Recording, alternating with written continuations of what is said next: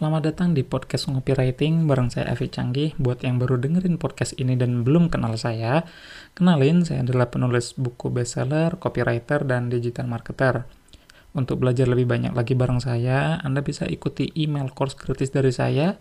Jadi selama tujuh hari saya akan mengirimkan email kepada Anda tentang bisnis online dan marketing. Selengkapnya, silakan kunjungi avicanggih.com garis miring belajar bisnis gratis. Di episode kali ini saya akan bahas tentang jadi setelah posting itu ngapain ya.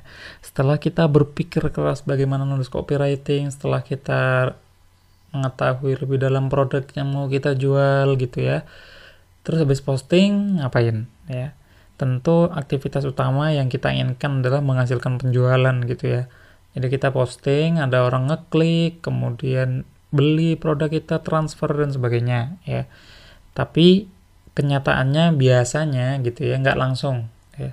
biasanya ada jeda dulu antara kita posting dan menghasilkan penjualan ya.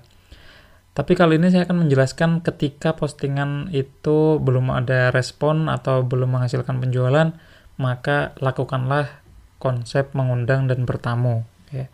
Maksudnya gimana? Jadi gini ya biar kebayang ya saya yakin anda pernah mengundang orang lain gitu ya jadi Anda mungkin pernah ngadain acara, terus orang datang ke rumah Anda gitu ya. Tapi di lain waktu Anda juga sesekali gitu kan pernah main ke rumah kawan Anda gitu ya. Jadi itulah bertamu. Nah sebenarnya kalau dalam penjualan gimana? Jadi kalau kita posting jualan gitu ya, itu sebenarnya kita sama aja dengan aktivitas mengundang ya jadi kita bikin tulisan tulisan kita dibaca banyak orang jadi kita tuh mengundang orang untuk datang. Dan kalau misalkan kita udah posting gitu ya maka traffic itu lebih penting. Maksudnya kita udah posting di status Facebook atau di Instagram gitu kan sama captionnya maka kita berharap orang datang ke sana baca dan klik. Telah mengundang. Nah habis itu kalau misalkan kita posting gitu kan, maka yang saya sarankan adalah scrolling. Jadi scrollingnya itu bukan sekedar scroll ya, tapi sekaligus komen di postingan prospek ya. Contoh, misalkan Anda udah Anda jualan sepatu misalkan. Terus habis posting kok nggak ada yang beli gitu ya. Anda scrolling aja gitu kan. Walaupun teman Anda nggak bahas sepatu, nggak nulis status dengan bertanya, teman-teman sepatu rekomendasi apa ya? Ya Anda bisa langsung jualan gitu ya, nawarin inbox atau gimana. Tapi kalau misalkan postingannya katakanlah teman Anda itu posting misalkan saat puasa ya, ini saya rekam saat bulan Ramadan gitu ya. Misalkan lagi puasa, prospek Anda posting, teman-teman ada ada rekomendasi menu untuk buka puasa nggak ya? Bagi ceritanya dong gitu. Nah, kalau prospek kita update status seperti itu, maka kita komen aja, e, kolak pisang kayaknya enak nih, bun, gitu, atau sis, gitu ya. Nah, sebenarnya gitu kan, kita tuh nggak penting komen apa, yang penting kita komen. Ya.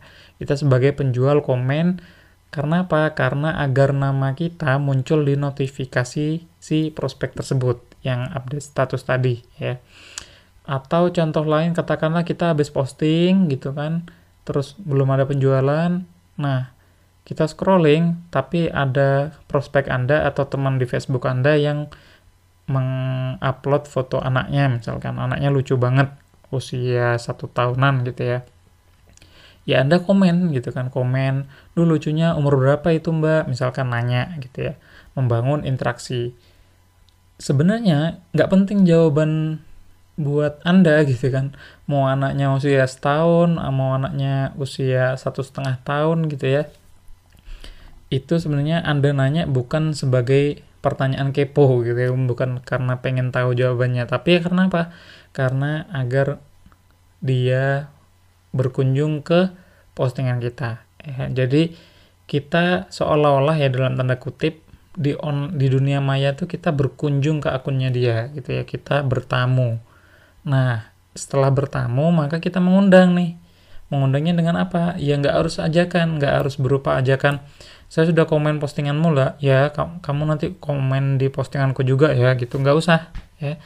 tapi secara emosional dan secara secara efek ini ya efek timbal balik gitu ya ini udah sering saya praktekin juga jadi kalau kita komen di postingan orang tuh ada kecenderungan orang lain tuh komen juga atau paling nggak ngecek postingan kita ya jadi ada orang tuh ini siapa sih ini? Kok kok unik gitu. Habis itu dia ngeliat ini siapa nih? Kok baru komen dan aku nggak kenal gitu.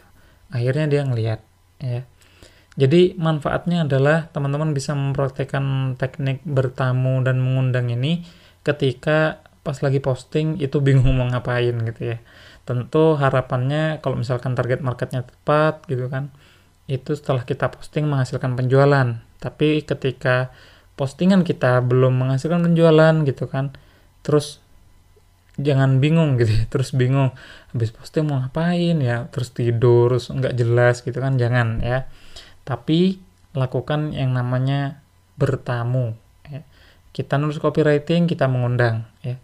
Kita melihat postingan orang lain dan komen, kita bertamu. Ya. Terus bagaimana dengan hanya sekedar like? Ya. Kalau di Facebook, saya nggak nggak menyarankan kalau cuma sekedar like. Jadi kita scrolling, kita nge-like ke banyak postingan orang, maka like kita sebenarnya cukup apa ya? cukup apa bahasa gampangnya itu cukup umum lah terlalu umum jadi udah terlalu banyak yang nge-like gitu ya bahkan like itu kemungkinan terlihatnya kecil karena hanya ada beberapa nama aja yang terlihat bahwa kita udah nge-like postingan dia gitu ya kalau diklik baru ketahuan kalau kita udah nge-like tapi kalau nggak diklik nggak tahu gitu tapi kalau komen keterlihatannya lebih gede gitu ya jadi daripada cuma sekedar like, kita komen ya, kita komen apa aja, nggak penting komen apa, yang penting kita komen ya. Saya ulang lagi, nggak penting komen apa, yang penting kita komen ya. Komen tujuannya adalah bertamu. Kita nulis copywriting adalah mengundang dan kita komen di postingan orang lain adalah bertamu. Nah, manfaat berikutnya adalah tentang algoritma Facebook. Ya. Jadi kalau Facebook itu sebenarnya udah selain membatasi gitu ya, membatasi jumlah teman sejumlah 5000 teman, tapi Facebook juga hanya menampilkan di beranda kita orang-orang yang memang sudah sering interaksi sama kita ya. Saya sendiri ya, saya sendiri teman Facebook saat ini udah 5000 orang. Tapi pas lagi saya lihat beranda itu postingannya itu-itu saja ya. Postingan dari orang itu-itu saja. Jadi bukan isi postingannya tapi orang-orangnya itu, itu yang itu itu saja. Beda dengan alg algoritma YouTube ya. Kalau algoritma YouTube kita misalkan nonton sepak bola, maka saat kita scroll untuk lihat video lain itu direkomendasiin bola-bola yang lain gitu. Jadi bukan hanya di satu channel YouTube yang bahas tentang bola yang udah kita tonton tadi ya, tapi YouTube merekomendasikan untuk nonton bola yang lain dari channel yang lain gitu. Nah, kalau Facebook itu fokus ke akunnya, fokus ke orangnya. Jadi kalau kita akrab dengan seseorang, akrab itu dalam artian ya, kalau dibaca sama programmer gitu, kalau dibaca sama program Facebook adalah kita sering komen, kita sering like, kita sering inbokan atau chattingan. Maka Facebook menangkap antara A dengan orang B itu akrab. Jadi pas lagi A scrolling postingan B muncul pas lagi si B yang scrolling postingan A muncul dan sebaliknya ya dan seterusnya jadi di antara 5000 teman ya kalau algoritma Facebook tuh orang-orangnya ya paling 10 lah paling atau 20 orang lah paling banyak jadi seperti itu jadi ketika kita bertamu kita udah mengundang kita bertamu maka di postingan yang lainnya orang tersebut kemungkinan baca postingan kitanya lebih besar ya. Tentu kalau misalkan target marketnya sesuai ya kita posting apa nyambung dan langsung klik dengan si prospek ya. Agar lebih kebayang yang saya lakukan ya, saya ceritain yang saya lakukan. Jadi saat saya jual produk untuk Instagram gitu ya atau apa pun atau saat saya ini deh nawarin orang untuk join reseller ya jadi saya di, sebagai distributor kosmetik dan skincare itu saya membuat copywriting. copywritingnya cukup panjang gitu kan sayang banget kalau nggak ada yang baca gitu kan konversinya jadi lebih rendah nah setelah saya posting terus saya ngapain? Saya scroll ya posting di orang lain posting di orang lain. Dan benar ya yang saya sampaikan tadi. Jadi setelah kita posting kita komen maka orang tersebut nggak lama gitu kan komen di postingan kita ya. Atau kemungkinan juga langsung ngeklik ya. Karena kalau klik di Facebook nggak bisa ke detect ya kecuali pakai link itu link khusus gitu kan. Berapa link berapa kliknya gitu tapi kalau misalkan yang saya lihat gitu kan orang tuh cenderung bales gitu kan jadi setelah baca ini siapa gitu kan ada notif ada yang komen di postingan dia 10 atau berapa gitu nanti dia akan ngecek akun yang komen tersebut konsep ini saya dapatkan ketika ya hasil riset aja gitu ya, hasil pengalaman. Cukup ampuh, boleh dicoba dan mungkin itu aja sharing kali ini. Mudah-mudahan bermanfaat ya. Terima kasih sudah mendengarkan. Kalau sekiranya yang Anda dengar barusan bermanfaat untuk Anda, maka bagikan ke teman-teman Anda agar kita suksesnya bareng-bareng bersama-sama. Sip ya.